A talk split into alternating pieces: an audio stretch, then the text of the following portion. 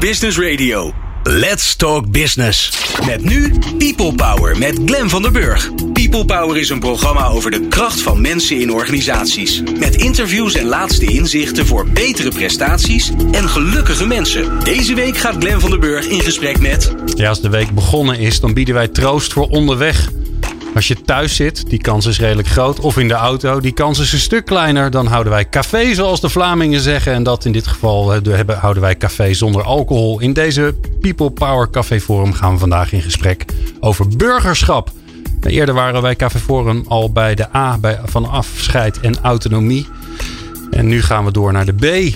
En de B staat voor burgerschap. En ik heb uit zeer betrouwbare bron van onze grote roerganger van dit uur, Harry Starre, begrepen dat hij ook al een woord met een C heeft. Waar we het de volgende keer over hebben. Ja, wij. Ja, wie zijn wij eigenlijk? Ja, wij zijn ondernemingen. We zijn de leiding van ondernemingen. We zijn de medewerkers. We zijn burgers in een samenleving. Welke verantwoordelijkheid dragen wij eigenlijk? Welke rol hebben wij te vervullen? En wat mogen we van elkaar verwachten? Over die vraag gaan we in gesprek met Tom van der Lubbe. Hij is ondernemer bij Visie. Je ziet hem af, ongetwijfeld bij LinkedIn vaak langskomen, want hij is zeer actief. Hij is daarnaast ook nog eens een keer historicus, dat is zijn achtergrond. En we praten met Tim Vreugdehil, hij is theoloog en een ondernemende dominee. Beide laten zich op allerlei plekken horen. En dan vooral veel over dat thema burgerschap. Maar tonen zij zelf ook burgerschap. En wat betekent dat eigenlijk voor hem? Ja, en wij, als we dan over wij praten, dan zijn wij zijn Harry Starre en ikzelf, Glenn van den Burg. En wij zijn allebei heel erg blij dat je luistert naar People Power. People Power met Glenn van den Burg. En Harry Starre. Harry, burgerschap. Ja, we zijn burgers. Hè? We hebben lange tijd zijn we. Je wilt toch geen burger zijn? Toch? Ja, dat klinkt burgerlijk, maar dat is toch iets anders, denk ik. Kleinburgerlijk. Maar wij zijn, ons is lange tijd wijsgemaakt dat wij klanten zijn van de overheid. Ik, denk dat, ik hoop dat we aan het einde van dat misverstand zijn. Uh, wij zijn ben jij trouwens, vind jij jezelf een burger, Glenn? Nou, ja, ik moet toch gelijk aan burgerlijk denken. Ja, dat, wil je toch niet zijn. Maar ik ben het wel, want ik heb een huisje, een boompje en een beestje. En ik heb een gezin, dus ik ben zo burgerlijk als wat. Dat is niet wat we bedoelen. Nee? Oh. Nee. nee. Dat is dat je actief deelneemt aan de gemeenschap, daar een rol in te vervullen hebt. Bijvoorbeeld als kiesgerechtigde. Ja. Maar ook misschien als um, uh, ja, deelhebber aan de gemeenschappelijke kwaliteit. Hè? Het ik ben coach van een hockeyteam. Ben is dat, is dat, onderdeel van burgerschap? Dan toon je burgerschap. Ik ben burger, Harry. Dat is een ontdekking. Natuurlijk ben ik dat. Ik spreek met Tim Vreugdeheel. Ik kijk hem aan, want het kan met Tom niet. Die zit in Zwitserland. En niet om fiscale redenen, zeg ik voor de zekerheid. Tim, jij bent uh, predikant, ondernemer. Betekent dat dat je geld verdient aan het geloof? Nou, het mooie van predikant zijn is dat je in ieder geval niet om fiscale redenen hoeft na te denken waar je wel of niet wil wonen. Um, nee, ondernemend betekent voor mij, ik ben echt predikant. Ik ben opgeleid als predikant. En, uh, op je 25ste al, hè? 25ste was ik, uh, was ik, ging ik aan de slag als dominee. Uh, met... Bloedserieuze ja, jongen moet jij zijn geweest. Ja, ja, ja, ja, zeker. Nou ja, ja, je, moet, je moet ook een serieuze kant hebben in dit vak. Ja. Um, maar een beetje lachen helpt natuurlijk ook. Ja. Nee, maar 25. Um, ehm, een hoofd vol kennis en een levenservaring van nul. Ja. En uh, nu inmiddels bijna 20 jaar ja. dominee. En, en waanzinnig veel geleerd van al die mensen die je in mijn rol mag ontmoeten. Want mensen, zeker ook in deze tijd, zijn natuurlijk gefascineerd door de rol van dominee. Je, je voelt aan, ook al ga je helemaal niet naar een kerk of geloof je niet, dat het beroep met zich meebrengt dat je nogal bijzondere uh, ontmoetingen hebt, contactmomenten met alle mogelijke mensen in uh, deze samenleving. En je geldt als iemand die de tijd neemt, de tijd geeft, aandacht heeft. Hè? Dat, dat associeer ik met predikant. Is dit voor jou een gouden tijd? Um, dat vind ik te veel gezegd. Kijk, ook ik worstel met um, hoe doe je dat eigenlijk als je uh, twee banen hebt. Mijn vrouw werkt bij de gemeente Amsterdam. Ja. We hebben twee schoolgaande kinderen. Opeens zit iedereen thuis. Dus dat is ook echt wel een beetje de overleefmodus. Ja. Um, ik zal eigenlijk blij zijn als dit uh, allemaal een beetje voorbij is. Ja. Aan de je, andere je vrouw kant, luistert mee, hè? dat besef je. Die, die zal het ongetwijfeld naluisteren straks. En uh, Um, maar het is, het is natuurlijk wel een tijd waar, waar er opeens heel veel uh, duidelijk wordt. Ja? En misschien wel vooral dat er niet zo heel veel duidelijk is in dit leven. Nee. En daar heb je als dominee natuurlijk wel. Uh, nou, dat vind ik niet vervelend. Dat dat opeens uh, in het centrum van de aandacht staat. Weet je, zijn, waren onze zekerheden vals? Zijn ze vals gebleken? Hadden we. Als ik een praktisch voorbeeld neem. Ik dacht dat ik wel enigszins wist hoe een ziekenhuis werkte. Ja. Omdat ik er vanuit mijn vak regelmatig kom. Ehm, ook ik heb in deze tijd geleerd dat de IC, de intensive care echt een plek is waar je maar beter niet terecht kan komen. Nee, want je kunt er heel erg doodgaan. Zeker, maar, maar de, de gedachte hè, dat er dus ergens een soort laatste reddingsstation is. Nou, als het echt erg is, dan gaan ze je daar oplappen. Ja. Dat was ook wel een beetje in mijn systeem ge, gesloopt. Oh ja. De maakbaarheid van de mens. Maakbaarheid van de mens. En, en nu uh, dat IC'ers in de eerste plaats zeggen: ja, je, je moet hier eigenlijk helemaal niet zijn. Nee. nee, gevaarlijke, überhaupt een ziekenhuis en zijn gevaarlijke, kun je nog beter naar de kerk. Hè? Jij zegt het. Ik zeg het, ja. Ik, eh, Tom van der Lubbe, is die aanwezig? Ik kan hem niet zien, maar ik, ik voel hem. Dat is, de, dat is een eigenschap die ik heb. Tom, ben je er? Dat is goed. Ik hoop het, ja. Ik hoop dat ik in ieder geval dat jullie mij goed ja. horen. Ja, je bent er. Je bent er helemaal, Tom. Uh, jij suggereerde Tim Vreugdenheel. Toen ik zei, zullen we nog iemand vragen? Zei je Tim Vreugdenheel. En daarna gaf je andere namen. En toen zei ik, laten we de eerste naam nou gewoon handhaven. Als die beschikbaar is. Dat was hij. Waarom heb je Tim erbij gevraagd op voor dit thema? Tom. Tim en Tom. Tom. Nou, omdat ik het thema burgerschap uh, interessant vind en Tim zich ook publiekelijk uit. Ja. En omdat ik het interessant vind omdat het thema burgerschap uit een hele hoop verschillende, ik zal maar zeggen, achtergronden, uh, ik zal maar zeggen, bespiegeld kan worden. En ik uiteindelijk denk, ook al hebben mensen een hele verschillende achtergrond, ja. Eh, ik, ben, ik ben van oorsprong katholiek en kom van een, op een Jezuïetencollege gezeten. Nou, Och, jongen, erger kan eigenlijk niet. een hele andere bloedgroep. Ja. En ik denk, ik denk jij ook. Maar dat je uiteindelijk bij het thema burgerschap allemaal wel bij dezelfde normen en waarden uitkomt. Noem eens wat invalshoeken die bij jou naar binnen komen. Waar, waar, waar plaats je bijvoorbeeld ons? Hè? Tim, mij misschien, jezelf. Waar, waar plaats je ons? Je hebt er een beeld van. Ja, ik, ik, ik, denk, en dat is in principe om even aan te sluiten ook wat bij Tim zei met betrekking tot een crisis. Ik denk dat een, een crisis een soort lakmoesproef is. En in een crisis worden dingen duidelijker die eigenlijk normaal gesproken ook wel duidelijk zijn. Alleen dan moet je dieper graven en dat hoef je in een situatie waar we nu in zitten niet te doen. Het komt naar de oppervlakte. ja? Ja. En dan zie je uiteindelijk dat iedereen toch wel een beetje dezelfde uh, waarden en normen heeft. Dus het hele thema samen en solidariteit en dat van mensen met, met bredere schouders meer wordt verwacht. Dat is toch wel iets wat, wat in zo'n crisis heel duidelijk wordt. En dat uiteindelijk ook de gemeenschapszin of het burgerschap van alle burgers ook meteen heel erg duidelijk wordt. Iedereen gaat briefjes ophangen, iedereen gaat elkaar helpen. Uh, mensen staan te applaudisseren op het balkon voor de zorg, et cetera. Dus ik, eh, ik, ik denk dat het wel iets gemeenschappelijks is. En ik denk dat, jullie, dat, dat jij dat ook hebt. Maar dan misschien meer vanuit een sociaal-democratische achtergrond. Uh, dus ik denk dat het allemaal wel verschillende achtergronden zijn. Maar uiteindelijk uh, ja, ben je toch met dezelfde maatschappelijke verantwoordelijkheid bezig. Dus, dus als ik je goed begrijp, hè, want ik, we hebben wel eens met elkaar gesproken, dus het, uh, we moeten daar eerlijk in zijn. Jij, jij kijkt meer vanuit het liberalisme naar het burgerschap. Wij vermoeden dat Tim wat meer vanuit de christelijk, christelijk-democratische richting kijkt naar burgerschap, mag je veronderstellen. En jij weet van mij dat ik sociaal-democraat zijn. Waarin verschillen we?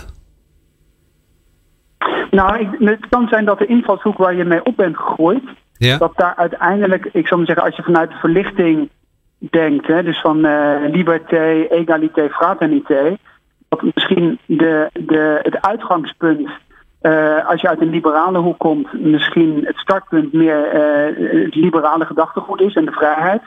Maar uiteindelijk daar bij ons allen ook wel een balans is van, van alle elementen uit die, uit die, uit die verlichting. Uh, maar dat geldt natuurlijk voor het humanisme ook. Dus uh, ja, uiteindelijk kun je die, die mensen allemaal doorlopen. En dan is misschien iemand met een christelijke achtergrond die zo sterker vanuit de fraternité-gedachte misschien opgegroeid zijn, maar uiteindelijk de andere dingen ook belangrijk en versa. Fraternité is broederschap, hè? vrijheid, gelijkheid, broederschap voor de goede orde. Um, um, en bedrijven, die hebben hier zo op het eerste oog en eerste oor niet zoveel mee te maken, zou je zeggen. En die vraag is aan mij? Of? Die vraag, ik praat nog even met je door, want ik vind het zo leuk dat we contact hebben. Um, ja, dat, ik, denk, ik denk dat, dat uh, als je uh, nu gewoon kijkt, ik denk dat met de corona, met coronavirus, en dat begon eigenlijk al eerder, wel het, het tijdperk van het neoliberalisme, wat overigens niet liberalisme is, wel afgesloten wordt. Dus ik zou zeggen, beginnend met Milton Friedman, dat bedrijven alleen maar als doelstelling hebben het maximaliseren van de winst. Ik denk dat dat nu wel afgesloten wordt. Maar dat bedrijven uiteindelijk, en tegenwoordig heet het dan purpose. Uh, maar je kunt ook zeggen, wat is eigenlijk de bedoeling? Ja. Uh, wat, is, wat is ook de roeping van een bedrijf? Dat we wel weer uitkomen bij het startpunt dat een bedrijf ook wel meer is dan alleen maar het maximaliseren van de winst. Om het maar heel diplomatiek uit te drukken aan het begin van deze podcast. Ik zie Tim instemmend knikken. Ja, ik moest denken aan een uh, ontmoeting die ik een aantal maanden geleden had met Barbara Baasma, de uh, directievoorzitter van Rabobank Amsterdam. We maakten kennis met elkaar. Zij zei wat zij deed. Ik vertelde iets over wat ik deed. En toen gaf ze me een boekje. En de eerste vraag van het boekje was: waartoe is de Rabobank op aarde? En ik denk dat er in deze tijd heel wat ondernemingen zijn die misschien niet letterlijk zo'n tekst hebben, maar die minstens heel erg over die vraag nadenken. Uh, en, en ik denk dat je dan op het veld van zingeving, um, dat, dat je elkaar verstaat. Of je nou vanuit een kerkelijke, christelijke invalshoek of vanuit een economische invalshoek denkt. Ja. Uh, als we het indelen langs die drieslag die Tom nu noemde, hè, dat broederschap, dan zou je denken, dan staan we aan de poort te wachten tot de Griekse kinderen de grenzen over zijn, toch? Onze grenzen over zijn. Nou ja, vind, je, de sprong te snel? Ja, die, die sprong vind ik wel. Ik, ik, ik denk dat die net iets te snel is. Omdat je dus eerst zou moeten praten over wat versta jij onder, onder broederschap. Ja. want het, het zijn natuurlijk spannende woorden. Um, en, en, en eh, broederschap als ideaal van alle mensen uh, weer een broeder. Ja. Dat is mooi, maar misschien ook een tikje makkelijk. Hè? En, en als, het, als, het, uh, als het pijn gaat doen, hoe ver strekt het dan? En ik denk dat daar, dat daar uh, de, de spannende keuzes. Mag ik, mag ik de opvatting van de predikant horen? Over die, over die, over die broederschap? Uh, nou, ik, ik, heb mij, ik, ik, ik ben geen activist. Ik spreek me bijna nooit politiek uit. Maar laatst heb ik in Amsterdam wel meegedaan aan een statement dat gaat over dat we op dit moment als Nederland moreel verplicht zijn om een, om een aantal van die alleengaande uh, vluchtelingenkinderen uit die kampen, om die onmiddellijk op te vangen. Omdat we het een aantal keren hebben beloofd en een aantal Europese staten dat doet. Dat gaat, dat gaat om een overzichtelijk aantal mensen. Dat zouden we zo kunnen doen. Ja. Daarvan vind ik dat we dat nu uh, ter plekke zouden moeten kunnen regelen. Oké, dus dat is een eh, je, je aarzelt over die politieke dimensie. Zit er ook een politieke dimensie in jouw beeld aan bedrijven? Hebben die ook een rol te spelen in de gemeenschap? Ik denk het zeer zeker. Als, als je. Um, misschien mag je in een, in een simpel schema zeggen dat. Uh, er waren natuurlijk eeuwen dat de, dat de kerk veel macht had. Hè? Ook veel politieke macht. Ja. Een hele andere context. Um, je ziet dat dat mede onder, onder invloed van de verlichting, dat dat heel sterk naar de politiek als iets naast de kerk uh, is gegaan. Ja. En, en ik denk dat we in de 20e eeuw, misschien aan het eind van de 20e eeuw, dat we heel sterk de verschuiving hebben gezien dat politiek op zichzelf uh, minder machtig is. En ik denk dat, dat uh, die factor door het bedrijfsleven wordt ingevuld. Oké, okay, dus zegt eigenlijk er is een, een nou vacuüm is te snel, te veel. Maar er is plek gekomen en ook een noodzaak dat bedrijven instappen en verantwoordelijkheid nemen. Ja, zoals burgers dat ook doen. Absoluut. Dus en een bedrijf is een burger, zou je kunnen zeggen. Ik denk dat, dat uh, burgerschap zeker een woord is dat, dat uh, volstrekt op bedrijven van, van toepassing is. Ja. Ja, lijkt me wel. Tom, jij bent zo'n bedrijf. Ja, je hebt zo'n bedrijf of je maakt deel uit van zo'n bedrijf. Hoe vul jij je, je burgerschap als ondernemer in?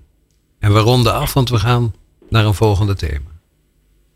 Nou, ik, moet, ik, zou, ik zou toch eerder nog een stap terug willen gaan. Ik vind eerlijk gezegd dat de overheid te veel speelruimte heeft gelaten.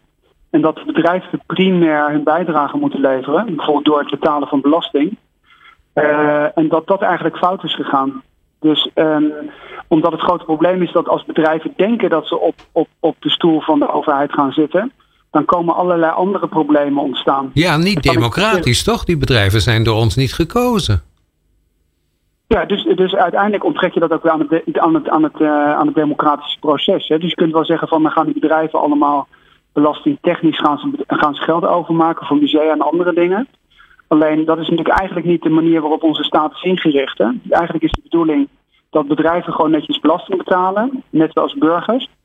Uh, en dat dan de overheid in een democratisch proces daarover beslist hoeveel geld naar de politie gaat, hoeveel naar ziekenhuizen, hoeveel naar het onderwijs.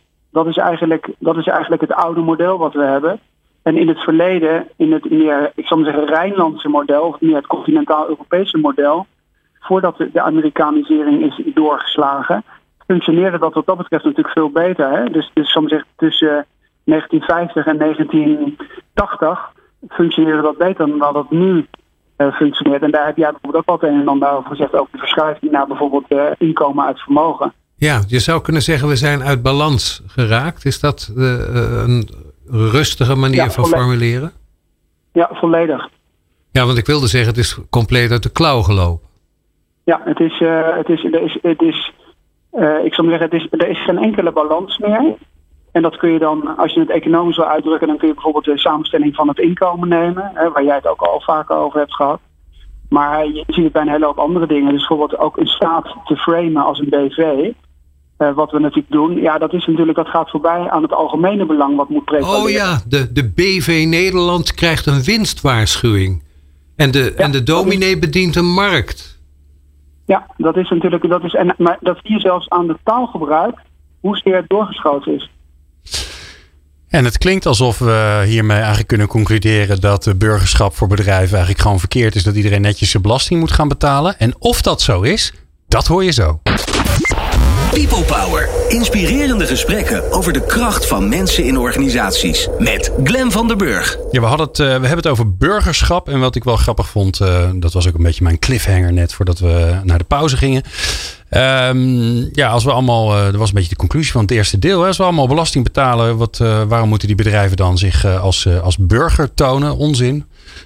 Gewoon belasting betalen en kunnen we het allemaal weer netjes verdelen zoals we het met elkaar hebben afgesproken. Het nou. klonk een beetje, nou, als iedereen weer doet waar die voor bedoeld is, hè, dus zijn oorspronkelijke rol weer neemt, ja. komt het in komt orde. Het goed. Nou moest ik gelijk denken aan twee dingen. Eén, volgens mij betaalt het gemiddelde MKB, wat toch het grootste gedeelte van de economie is, zijn belastingen. Gewoon normaal zoals het hoort. En niet met alle ingewikkelde constructies. Sommige wel, maar de meeste niet. En datzelfde MKB, daar is mooi onderzoek naar gedaan. Uh, levert elk jaar 1 miljard aan waarde aan. Uh, eigenlijk vanuit zijn burgerschap, dus zijn maatschappelijke betrokkenheid. Dus ja. uh, het sponsoren van de voetbalvereniging, vrijwilligerswerk, nou al dat soort dingen. Ja. Hoe we daar dan ook mee ophouden? Nee, toch? Tom, Tom. wat denk jij, Tom? Nou, ik, ik, zou, ik zou bijna Harry het woord willen geven om even uit te leggen hoe de verschuiving is geweest. Of qua koopkracht, of de verschuiving is ge, ge, geweest de afgelopen tientallen jaren in de samenstelling van het nationaal inkomen. Uh, maar om even dat MKB-thema op te pakken. En natuurlijk is het zo dat het MKB, wat dat betreft, natuurlijk als ruggengraat van de samenleving, uh, dat naar verhouding allemaal netjes doet. Alleen als je gewoon kijkt naar de verdeling, hoe uh, uiteindelijk het nationaal inkomen verschoven is naar vermogen, ja, dat daar de overheid eigenlijk steeds meer onder druk raakt en minder middelen ter beschikking heeft naar verhouding ja, dat kun je eigenlijk aan, aan de samenstelling van het nationaal inkomen kun je heel goed afgeven. Nou, ja, maar bij de, koop, bij de koopkracht is het hetzelfde verhaal hoor.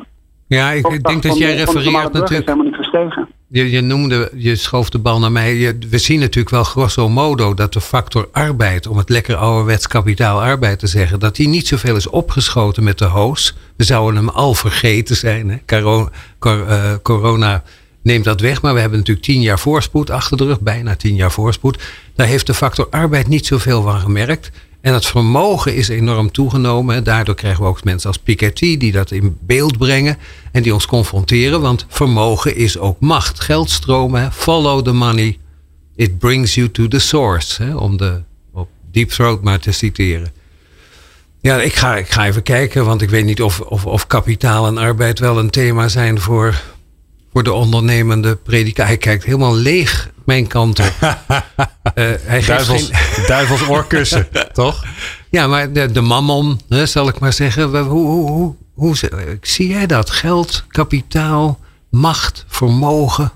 Een van de mooiste zinnen die ik ooit gehoord heb, ik citeer hem ook veel, was van een Amerikaanse predikant. Die zei dat Jezus, die toch geacht wordt een vrij verstandig mens geweest te zijn, dat Jezus het thema geld 26 keer zo vaak adresseert als het thema seks in het Nieuwe Testament. Ja. En, en de predikant zei dus ook, dat, dat zegt iets over de verhoudingen. Ja. Uh, maar, de, maar de kern van zijn punt is. Dus het is wel het, jullie thema. Het is zeker een. een uh, het, het, ik denk dat het een waanzinnig belangrijk thema is. Omdat, het, om, omdat er weinig andere dingen, als je het nou gewoon even over geld hebt. Ja. Er zijn natuurlijk weinig andere uh, dingen die zo sterk uh, het dubbele gezicht hebben. Van dat je er uh, hele goede dingen mee kan doen. Dat iedereen het ook nodig heeft. Dat het fijn is om het te hebben. Uh, en, en zeg maar de, de destructieve of de demonische kant ja. ervan. Dus het, ik denk dat, dat, uh, dat wij van de kerk, om het zo te zeggen, dat we wel iets kunnen inbrengen over de, over de dubbelzinnigheid daarvan. Ja. Tom, breng ons verder. Jij hebt dit uh, teweeg gebracht. Ik denk, ik denk wat je natuurlijk ziet, is dat bijvoorbeeld voor het MKB ja. een, een, een, een, een sterkere polarisering van, van arm en rijk heel negatief is, omdat het een negatief effect heeft op de economische groei. Dus hoe groter de middenklasse is, hoe beter het voor iedereen is. Ja. En het is logisch dat als, als er meer van beneden naar boven wegverdeeld wordt, en dat is voor Nederland is het vooral vermogen, ja. er overigens uh, ja, eigenlijk zelden gethematiseerd wordt. Het is een vermogensprobleem en minder een inkomensprobleem, maar je ziet het wel ook aan de koopkracht. Dat als, dat als je een hele grote stabiele middenklasse hebt, dan heb je een hele heb je een veel hogere economische groei. Dus ja, economische voor ons groei allemaal, hè? Voor ons allemaal. Gepolariseerd. Ja. En, en het heeft ook nog een politieke consequentie dat als de helft van de samenleving helemaal geen buffer heeft, dat je politiek ook heel gevoelig bent bijvoorbeeld voor populisme. Dus het heeft niet alleen een economische kant, het heeft ook weer een politieke kant en dan ben je ook weer bij het burgerschap. Ja, het creëert rancune, ressentiment. Hè? Want er zullen nu een aantal mensen uit de boot vallen die dat als onrecht ervaren, toch? Ja. Maar dat zie je, dat zie je wat betreft in de economie natuurlijk ook. Hè? Dus als jij een situatie hebt waar jij horeca-ondernemer bent of kleine zelfstandige en je bedrijf gaat niet failliet, maar je leest wel in de krant dat Booking ondersteuning heeft gekregen uh, voor hun personeel. Ja, ik denk dat een aantal mensen daar, en dan moet ik me heel voorzichtig moet ik het uitdrukken, ja. daar grote moeite mee hebben. Ja. En, dat, en, dat en waarom druk jij je heel voorzichtig uit? Waarom drink, de, druk jij je heel voorzichtig uit? Nou, omdat ik natuurlijk, omdat het natuurlijk, ik denk, ik zou zeggen, ik merk gewoon dat als ik mijzelf daar, daarover uit, bijvoorbeeld op social media, en dat kan ik als ondernemer misschien wat makkelijker doen omdat ik ergens anders in loondienst ben, dan merk ik gewoon aan de reacties hoeveel woede over dit soort zaken leeft. Maar je kunt het ook aan aflezen, even los van corona, dat bijvoorbeeld de Financial Times, ik denk dat het ongeveer een half jaar geleden is, ja. een groot cover heeft gedaan met Reset Capitalism. Ja. En ik denk dat als de FT, wat geen marxistisch-leninistisch uh, maand, maandblad is, met een cover komt Reset Capitalism. En het FD heeft wat dat betreft in Nederland een beetje dezelfde rol gespeeld. Dat je je toch wel heel erg moet gaan afvragen dat als dat uit die hoek komt, ja. hoe ver we eigenlijk al zijn. En, en dat het toch echt wel tijd wordt om te reflecteren en te zeggen: jongens, lopen wij niet het gevaar dat de boel op een gegeven moment uit elkaar knalt. Dus het is een soort kruidvat. En als ik, ik ben natuurlijk historicus, dus ik zie al los van de coronacrisis al heel lang grote parallellen met de jaren 30 en maak mij in het algemeen gewoon hele grote zorgen over de situatie waar de samenleving zich in bevindt. Ja, niet een periode waar de kerk overigens een helder rol in alle gevallen heeft gespeeld. Hè? Dat is een periode waar je nu aan refereert. Tom. Wil je dat van, wil je dat van mij horen? Of? Ik nou nee, ik, ik, wil, ik wil de dominee de kans geven er even over na te denken. Dus ik speel de bal via jou naar hem. Ik wilde vooral, uh, uh, vooral uh, Faulty Towers citeren. Ja. Don't mention the war. Ja, het is de olifant in de kamer. Hè? Ja. De, het explosieve wat in de samenleving dreigt te ontstaan als dit uit de hand loopt. Ja. En het loopt het, uit de hand. Dat hoor ik eigenlijk Tom zeggen. Het loopt uit. Het is uit de hand gelopen. Jij refereert aan voor corona. Nou, wat je natuurlijk ziet is gewoon als je er gewoon de feiten naast elkaar legt en je zegt van kijk hoeveel onvrede er is uh, uh, in de samenleving. Kijk naar de opkomst van het populisme, et cetera. Kijk naar de, de angst die mensen hebben. Kijk naar, de, naar, de, naar hoe fragiel alles is. Dan is er al heel veel protest geweest de afgelopen jaren van, van verschillende groepen. En dat in een fase waar je met, met macro-economisch, met heel veel economische voorspoed te maken hebt. Het klinkt en, wat anders dan dat samen waarmee jij begon, hè? Dat dit ons samen zou brengen. En nu hoor ik eigenlijk een ander verhaal, dat het ons uiteen zal slaan. Nou nee, ik, ik denk dat de crisis, omdat iedereen zelf die existentiële angst heeft, dat deze crisis een grotere kans heeft, omdat het zo abrupt en zo extreem is. Dat deze crisis een kans is om na te denken over problemen die er daarvoor ook al waren. Oké, dus eigenlijk zeg je, maar- dit legt het bloot. Dit legt het bloot. Ja, ja het, is een soort, het is een soort lakmoesproef. Het is een soort plotseling, plotseling ziet iedereen, omdat er heel veel mensen in een existentiële situatie terechtkomen, worden, wordt er enerzijds is die solidariteit en het samen terug op de agenda.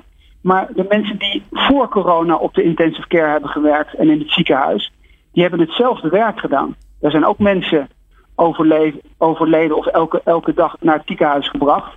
Nu vinden wij in één keer dat we het zorgpersoneel en mensen die eh eh, oude vandaag thuis eh, verzorgen. Kijk maar naar de hele, hele discussie over buurtzorg, et cetera. Dat zien we nu in één keer veel duidelijker en veel helderder.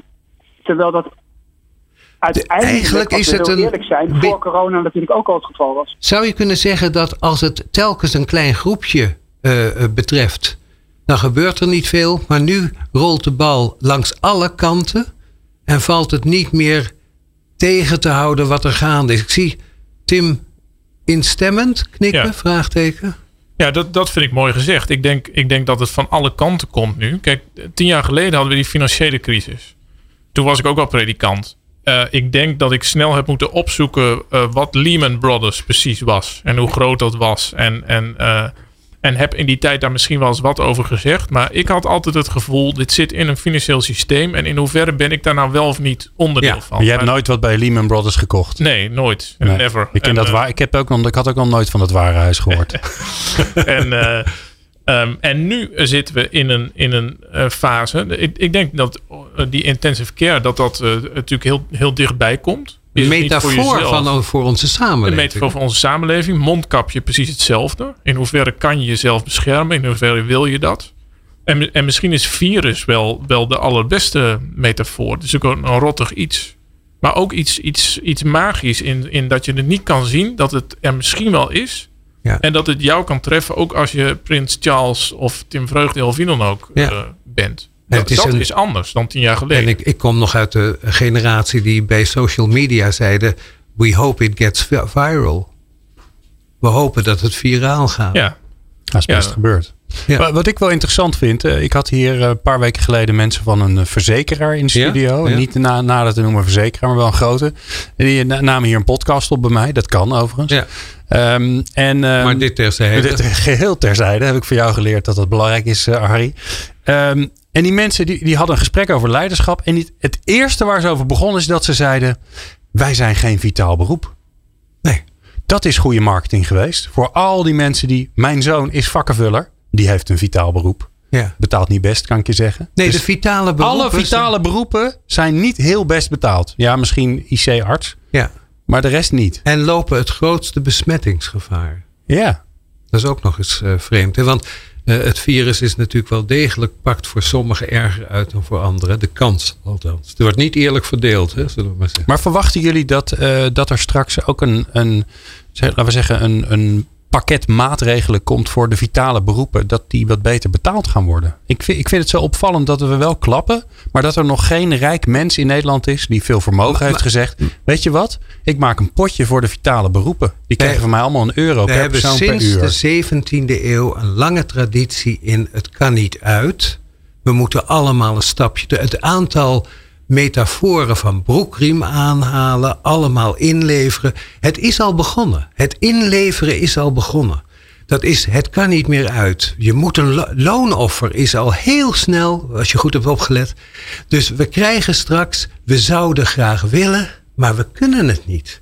En we moeten dit samen dragen. Dus ik denk dat ze weer het haasje zijn. Ik had heb, al, ik heb eerlijk gezegd al een paar keer, want het gaat met mijn business toevallig goed. Dus dat heeft niks Ja. met mijn intelligentie te maken. Nee, ik heb nee, al een paar keer op het punt gestaan om te denken: ik ga gewoon, ik doe een post. Ik zeg, joh, ik, ik verdien prima 10% van mijn, eh, van mijn omzet, Ja. inkomen. Dat gaat naar, weet ik veel, de zorg. Of de, dat maakt me allemaal niet. Het, het, is natuurlijk, het slaat nergens op, want het is een druppel op de groeiende plaat. Ik vind het raar dat nog niemand het heeft gedaan. En misschien denkt iedereen zo. Nou ja, maar misschien als ik Tom goed versta, misschien komt er straks een belasting. Dat zou natuurlijk. een zorgbelasting. Nee, een, een, een, eh, eh, eh, op, op, op vermogen en omzet in een bedrijf. En dat jij zegt: Het gaat mij goed en dat is goed nieuws voor iedereen. Ja. Nou hoef je dat niet te geven. Dan wordt het rechtens met elkaar. Dat heet Ja. politiek. Dat heet als burgers beslissen. Anders zijn we van Garitas afhankelijk. Nou, dat is- En dat willen we niet. Tom, Tom. Ik, wil er iets over zeggen, want ik, eh de afgelopen weekend stond eh, op de cover van Time Bregman, hè, ons allen wel bekend. En in dat artikel schreef Rutger Bregman eh, ook iets over statistiek. Dat de meerderheid van de bevolking in, ik zou maar zeggen, in het Westen inmiddels wel van mening is dat bijvoorbeeld belastingontduiking, dat dat, dat dat toch niet de bedoeling is. En dat is natuurlijk, ik zou zeggen, Nederland staat ook heel erg hoog op de lijst van de belastingparadijzen. Ik, ik hoop, of tenminste, ja, dat hoop ik echt, dat, dat als er nu een discussie ontstaat, bijvoorbeeld over of ergens geld voor is, bijvoorbeeld voor de zorg of het onderwijs, of, eh, dus voor de cruciale beroepen. We hebben nu gezegd dat ze cruciaal zijn.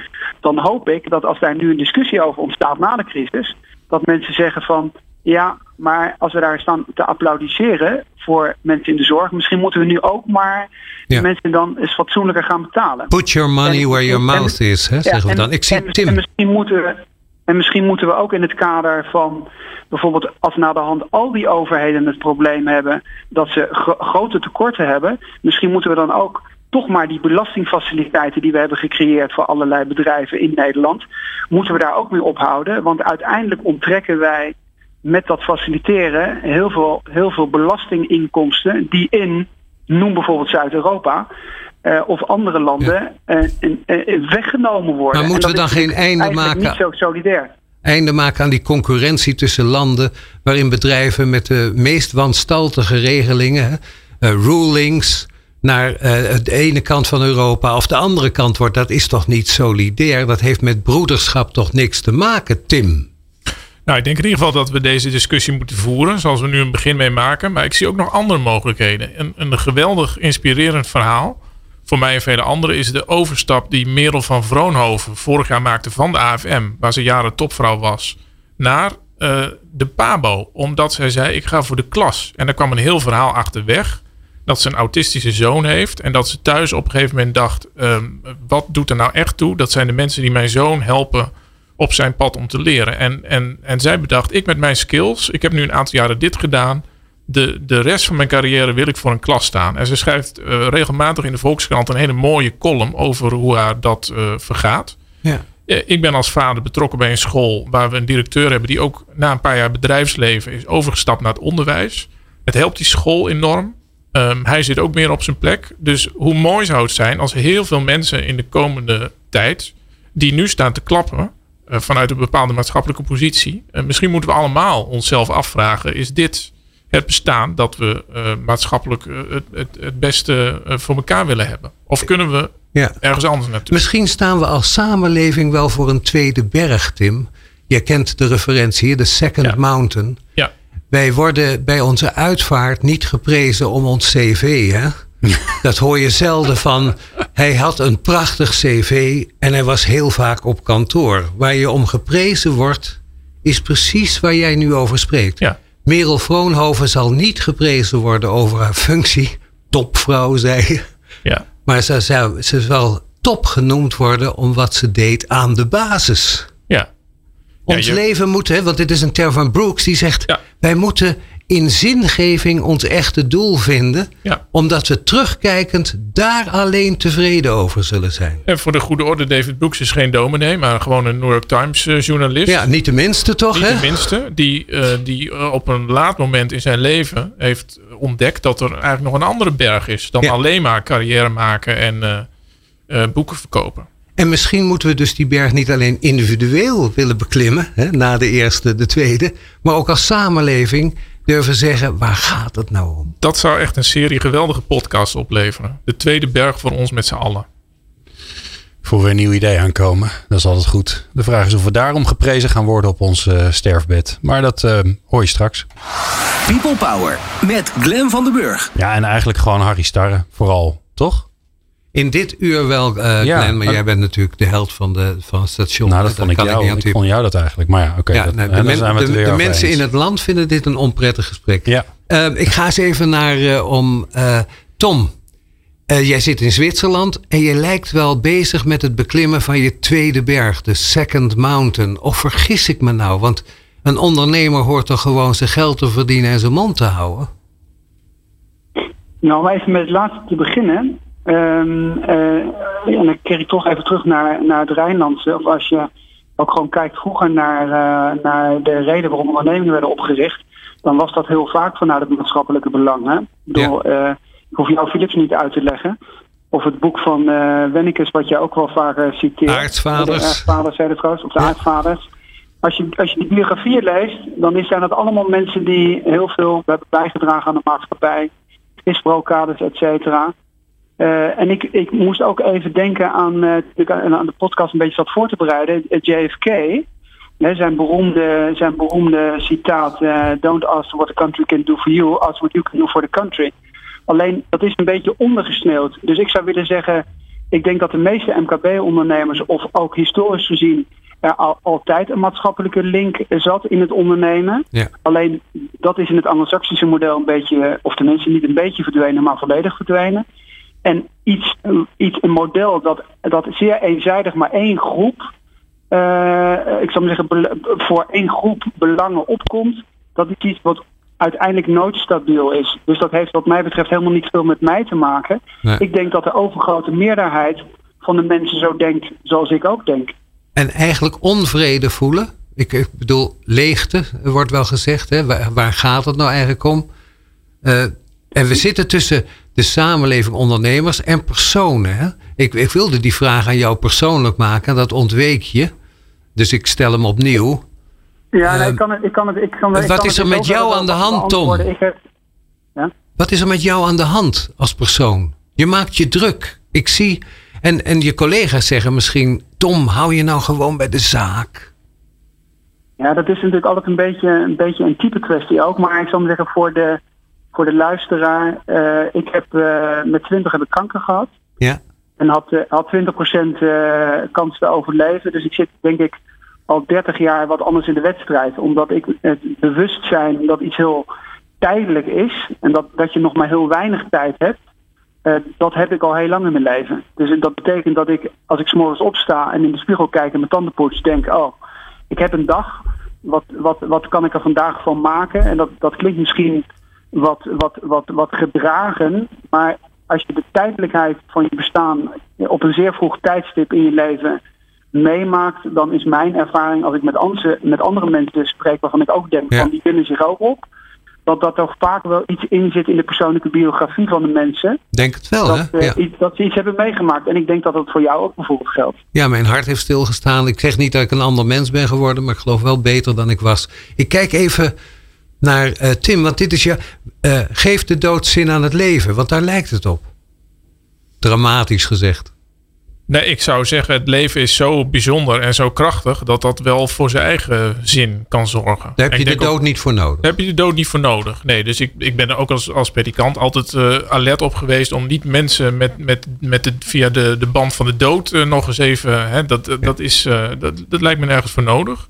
Eh, en, en, en als je voor dit leven gaat, is eh, sterfelijkheid en kwetsbaarheid en uiteindelijk ook de dood is dan een onderdeel daarvan. Dus daar loop je dan niet voor weg. Maar niet als dreiging en als dreigement, hè, wat vroeger de predikant nog wel eens deed. Hè. Later zul je enzovoort. Ja, dat, het lijkt me eh, dat we dat in deze tijd op een heel andere manier kunnen Wat doen. zie jij om je heen? Want jij hebt gemeenten, een citykerk. Dus eigenlijk heel Amsterdam is jouw, ja, in mijn, in mijn richting heet dat parochie. Ja.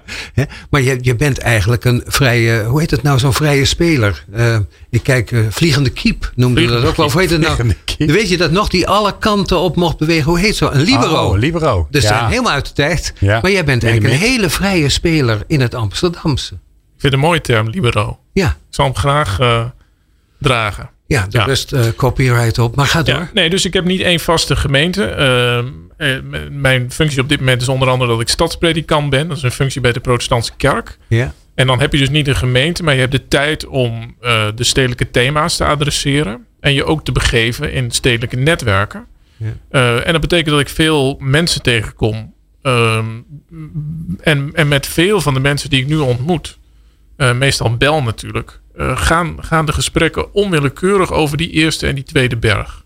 Ja, en leg het eens uit. Wat, hoe werkt dat dan? In die, wat zie je als patroon in die gesprekken? Om, een, een patroon is dat, dat heel veel eh, mensen, met name in de stad als Amsterdam, zich voor de eerste keer in hun leven realiseren dat je, uh, je misschien lekker die berg aan het beklimmen bent, maar dat je er ook af kan donderen.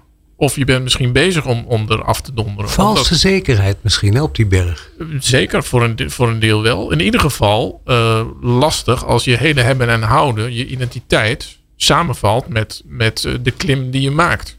Oké, dus de, de mensen. Voor mijn helderheid, die, ja. die klim is je werk, ja. klim, je carrière. Ja, dus David Brooks, je... David Brooks zegt, in, in dit leven wordt iedereen de eerste berg opgeschopt. Ja, je dat moet is natuurlijk proces. Er is ook niks mis met die eerste berg. Dat gaat over leer eten, leer praten, doe een opleiding, vind een baan, allemaal dat. Ja. En, en, en hij zegt, heel veel mensen realiseren zich vroeg of laat in het leven dat uh, hoe je het ook doet op die eerste berg, dat er nog iets anders ligt achter de horizon. Dus zowel de hele succesvolle als de mensen die ergens uh, van die berg vallen die realiseren zich er is nog iets. En in zijn termen gaat die tweede berg over uh, betrouwbaarheid, liefde en soms ook wel sacrifice. Dat je een offer, offer brengt ja. ter wille van iemand anders. Le leiden ten ja. opzichte, dat je jezelf ten dienste stelt van tot een opofferen. Hè, dat hebben we natuurlijk met de bevrijdingen, die is pas gevierd.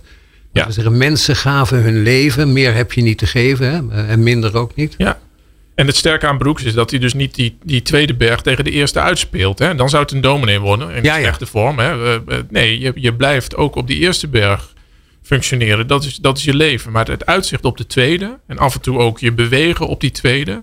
Dat maakt het leven van een mens uh, rijker. En, en uh, zowel voor jezelf als voor een ander. Ben jij met die tweede berg bezig? Ja, dat is een goede vraag. Ik heb de afgelopen maanden heb ik veel met dit boek gedaan. Ik heb hier bij me de, de oh. Tweede Berg. Oh. En ik, ik spreek me dan ook af en toe uit over of ik zelf een beetje op die, op ja, die Tweede ja. Berg zit. En? Uh, nou, de, ik, ik, doe mijn, ik doe mijn best om. Uh, ik, nou, ik, het, het, het eerlijke antwoord is. In, in mijn geloof was dat goed genoeg. Ja, dat is. Bij katholiek is dat goed genoeg. Gaan we nu bier drinken? Eigenlijk ben ik blij dat ik door. Eerst door veel verhalen van mensen met wie ik optrok. Ja. Maar daarna ook wel door eigen levenservaringen dat ik, dat ik op tijd in het, in het leven doorkrijg dat die tweede berg er echt is. Oké.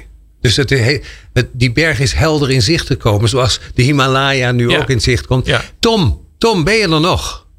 Ja, ik ben er nog. Ik waar waar ging ons gesprek over? En wat de predikant spelen. Ja, je, je rondt daarmee uh, af, hè? Een zware verantwoordelijkheid in één minuut, zegt Glenn. De minuut van, okay, nou van dan, Tom. Dan wil, ik, dan, dan wil ik wel even de predikant spelen en zeggen dat natuurlijk het, het, het idee van memento mori Hè, gedenk uh, dat, dat te, we allemaal sterven, sterven. Ja. Dat is natuurlijk heel belangrijk. En om, als het dan om af te ronden, de tip van Heidegger was: uh, loop wat vaker over een begraafplaats. Dus ja. ik denk juist wel dat het idee van, hè, wat ook in Vanitas in de kunst is, het sterfelijke, dat is iets wat we verdrongen hebben uit onze maatschappij. En dat daar af en toe over na te denken dat het leven eindig is en dat het om andere zaken gaat dan alleen maar over de eerste berg dat dat best wel weer gekoppeld mag worden met de kunst. En maar ook met de religie, maar ook met filosofie, want het komt oorspronkelijk ja. van de Romeinen. Ja, en niet dreigen met de dood, maar je bewustzijn van de eindigheid van het leven en je kwetsbaarheid daarin.